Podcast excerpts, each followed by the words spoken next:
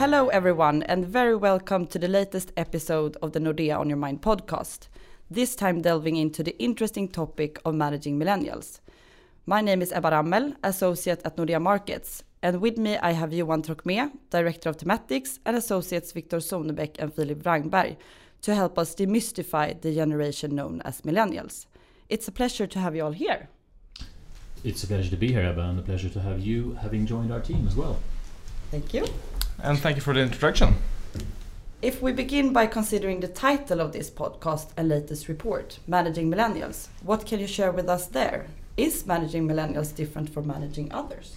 I think most you would ask would argue that millennials are different, that they are special. And we have found, uh, doing this report, that there are some quite specific and unique characteristics about the millennial generation when it comes to how they want to see their work lives be.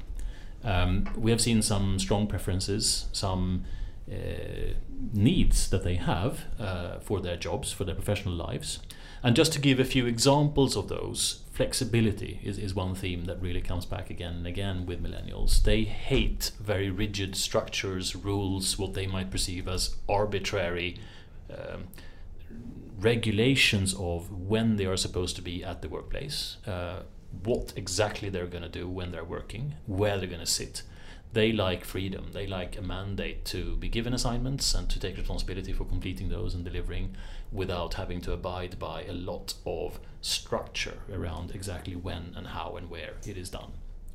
Uh, always on is another sort of concept that we have seen, which is millennials having grown up with a totally different technological environment than earlier generations and being connected, being online, having access to information in real time at all times.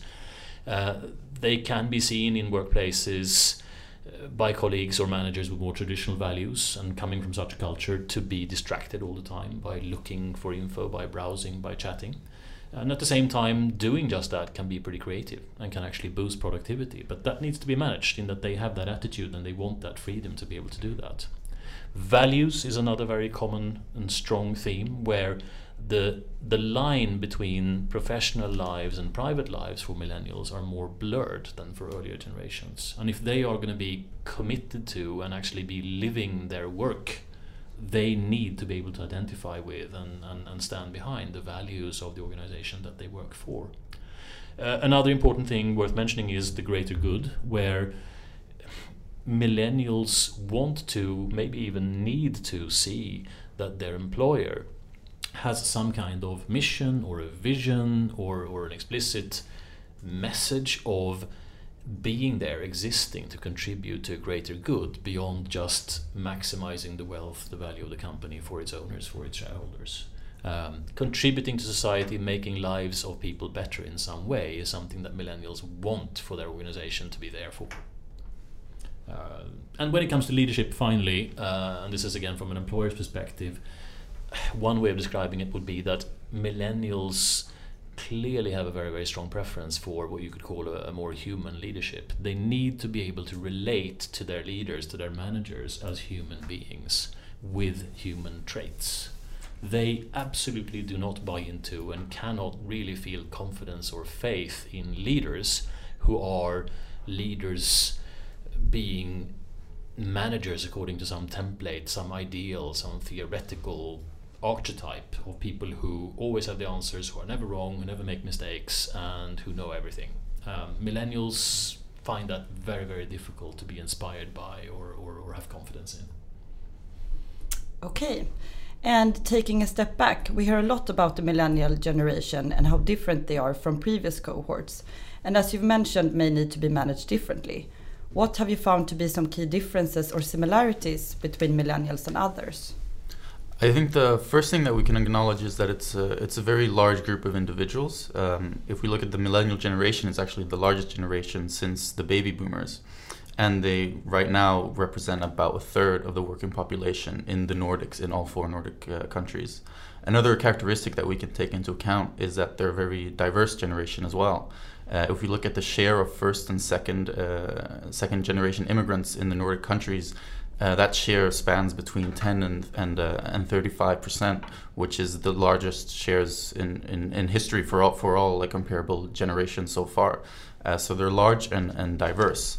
Uh, another characteristic that we can take into account is that they do delay family commitments more so than what preceding generations have done. They get married. They get married at a later later age, and they have their first uh, children at a later age as well. Since the 1960s, the uh, average age at first marriage has actually increased by about 10 years, uh, and the uh, average age at, uh, when you have your first child has increased by about six years. Um, so that's also a, a, notable characteristic defining the, the millennial uh, generation. Uh, something else that we can uh, take into account is also the education aspect.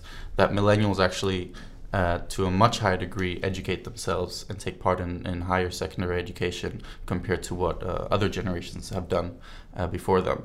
And the share is actually, if we look at 25 to 39 year olds, the share of the of of um, of those pursuing higher education has actually nearly doubled since the 1980s, from about 20% to closer to 45% now, just uh, just last year.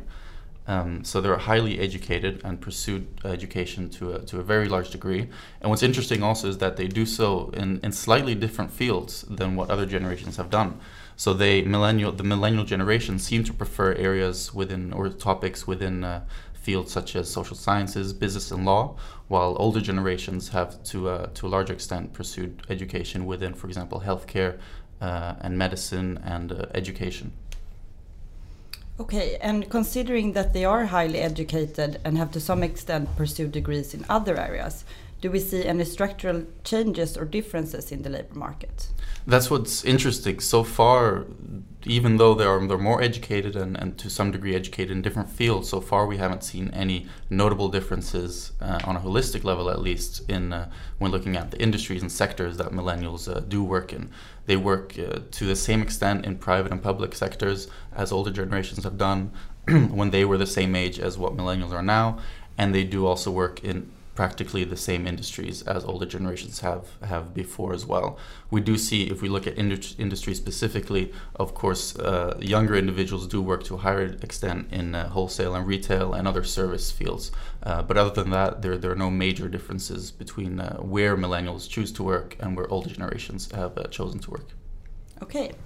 And shifting a bit, we've talked a lot about sustainability being a topic of importance for millennials as employees.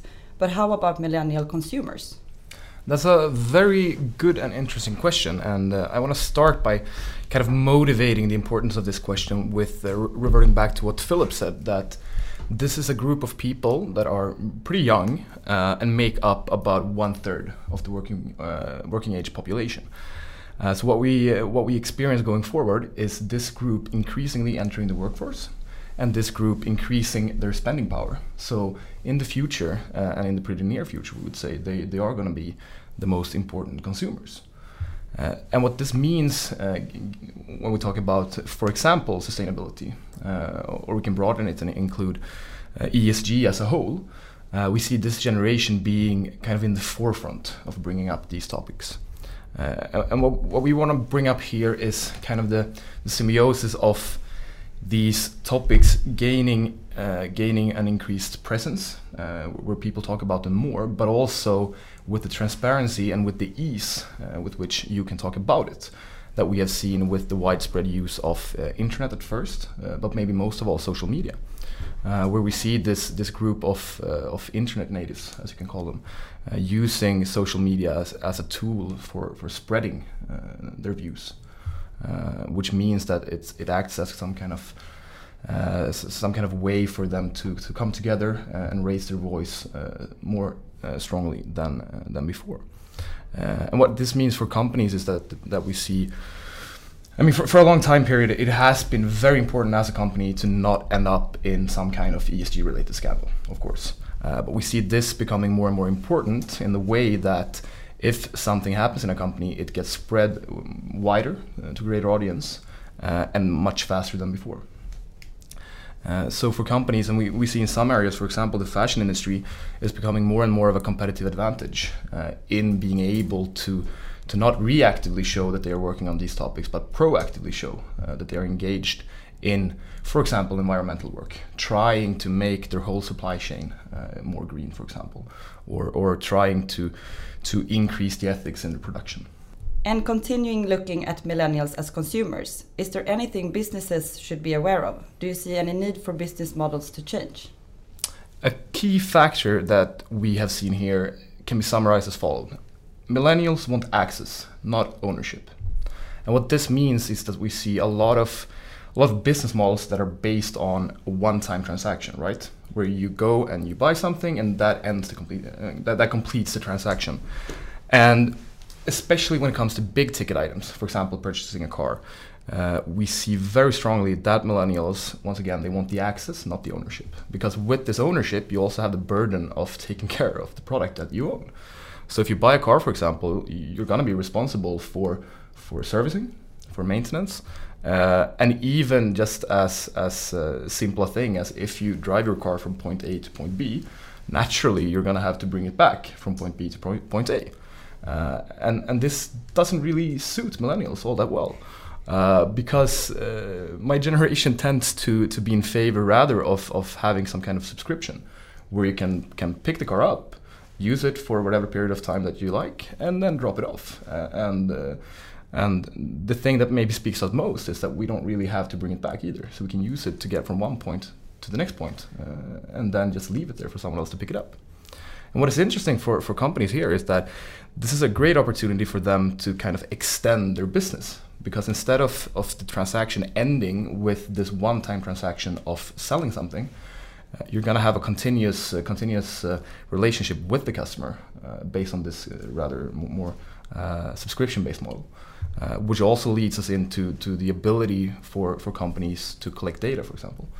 So if you, for example, that we see in uh, here in Sweden at least, uh, with the Volvo Cars owned company Sunfleet, uh, that is a, a, a, what's called a vehicle sharing service, where you sign up and you can you can use the, these uh, these cars on a subscription basis.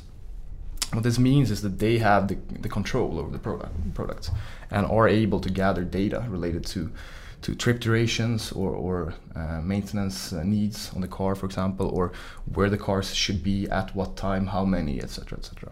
And and as we have described in, in previous Nordea on Your Minds, this is incredibly important in order for companies to gain more insight into their customer behaviors and, and gain better control of their, their value chain. I just love how you describe that, Victor. I mean, having to actually drive a car back to where you came from doesn't suit millennials at all, right? It's like saying having to pay for using a car doesn't suit me at all. yeah, it kind of is, kind of is. But I mean, attitude. Yeah, I, th- I, think we're still gonna pay for it, but it's, it's gonna be more of a continuous transaction. uh, and yeah, probably we're a bit more. Just let let's leave it there, and someone else will take care of it. Okay, so we've seen how millennials are different as employees and as consumers and looked into some data on how they differ from other generations. And to sum up these differences or similarities, what can be the reason for this, Johan? That's an interesting question. I mean, you're a millennial, Ebba, mm -hmm. uh, and so are you, Victor and Philip, and, and, and I'm Generation X. Uh, that's okay, I still have hair, and there weren't Tyrannosauruses when I grew up. But every generation is formed by the societal environment, the, the economic environment that they grow up in, right? And that they mature in. And, and, and for millennials, we need to look back over something like the past couple of decades. And if I just compare with when I grew up, which is, of course, in the Stone Age, back in those days to try and highlight the real difference and, and what has really shaped the millennials and made them into this doesn't suit them to pick up the car from where they or hand the car back from where they where they picked it up when I grew up, information was to a very great extent paper based. We had telephone books where you actually had to flip through pages in a book to find a phone number. We had encyclopedias, books, and, and a large number of books which contained sort of humanity's knowledge in, in, in a number of pages of books that you kept in a bookcase, and you could refer to them and again flip pages to look for information. And, and maybe, arguably, one of the greatest differences in environment that the millennials have grown up in has been a globalizing and a connected world. And globalizing, well, that's been about borders coming down, about tariffs coming down, about trade increasing between the world's regions and countries, travel increasing, a lot easier to actually go to other places, study at other places, work at other places, and particularly with the internet, information becoming universally, constantly available in real time. And, and, and that has had massive implications for how we think, how we act, how we perceive things around us, and how we want things to be. And that, I think, is a great explanation behind this lack of patience, this, this constant craving for instant responses and satisfaction, chasing clicks in social media, just to give one concrete example. It, it, it, it's not having to wait for it, being able to see it. And also, when it comes to attitudes, this importance that Victor talked about as consumers that they attach to sustainability and, and, ethics and moral and values, like I talked about earlier, when it comes to who they want to work for. That's also got to do, I think, to a great extent about increased transparency. With all that information being available, it is much more difficult, probably, to fool a millennial than it is earlier generations like me about what you claim that you are, what you aspire to be, and what you actually are, or what you are by, say, millennials or others seem to be.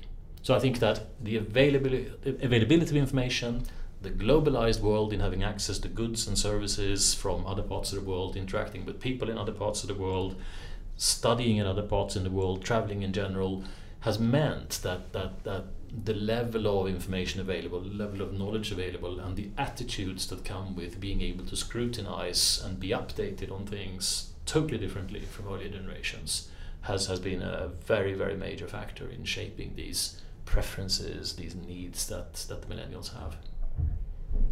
All right. Thank you, Johan, Victor, and Philip. If you want access to the full report, make sure to reach out to your client executive. Thank you for listening to the Nordea on Your Mind podcast.